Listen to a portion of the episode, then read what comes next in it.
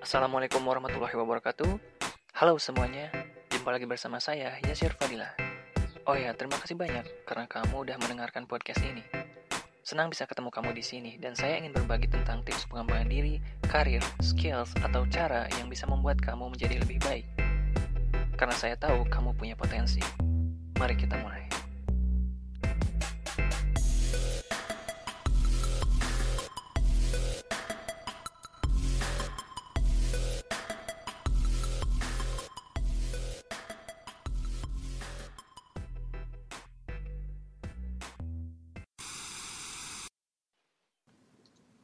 Setiap hari kita melewati momen demi momen, pengalaman demi pengalaman.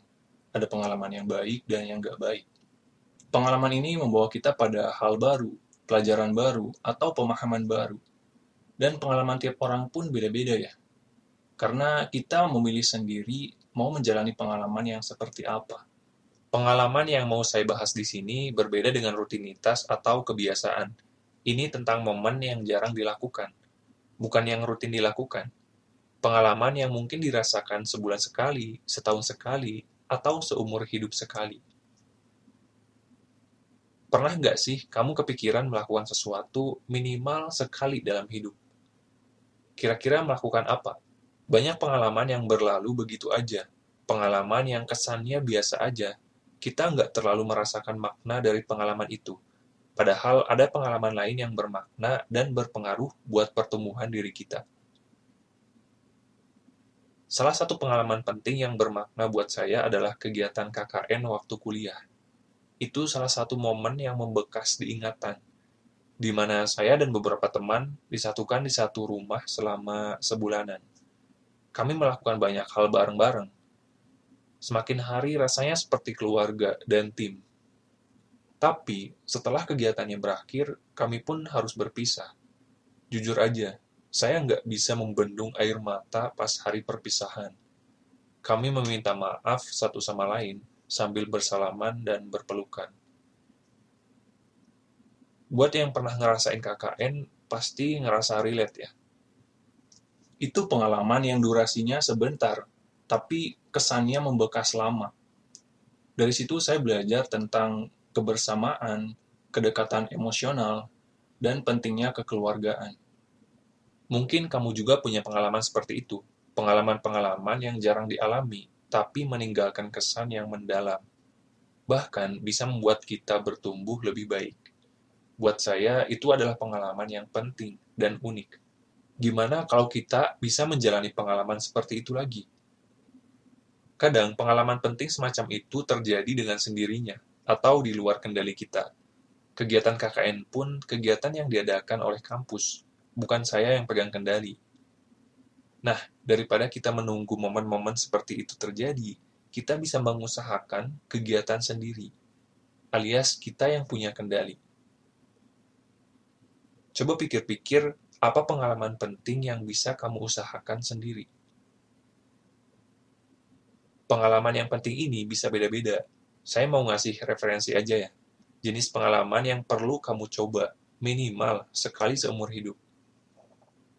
Ada tiga jenis pengalaman penting yang bisa kamu coba, yaitu pengalaman ekstrim, pengalaman menjadi relawan, dan pengalaman traveling ke tempat baru. Kita mulai dari pengalaman ekstrim. Ketika rutinitas kamu mulai terasa membosankan, mungkin kamu perlu melakukan aktivitas ekstrim ini. Pengalaman ekstrim bisa melatih mental dan memacu adrenalin kita. Aktivitasnya bisa apa aja, mulai dari mendaki gunung, skydiving, bungee jumping, para layang, panjat tebing, arung jeram, dan sebagainya. Setelah melakukannya, hidupmu akan terasa berbeda. Saya pun belum mengalami semuanya sih, tapi mudah-mudahan bisa kesampaian minimal sekali seumur hidup. Oke, yang selanjutnya pengalaman menjadi relawan. Pengalaman menjadi relawan itu seperti menjadi superhero di dunia nyata. Melakukan kebaikan secara tulus, melawan arus, karena banyak orang yang melakukan sesuatu karena imbalan fulus. Bentuk kegiatannya bisa banyak.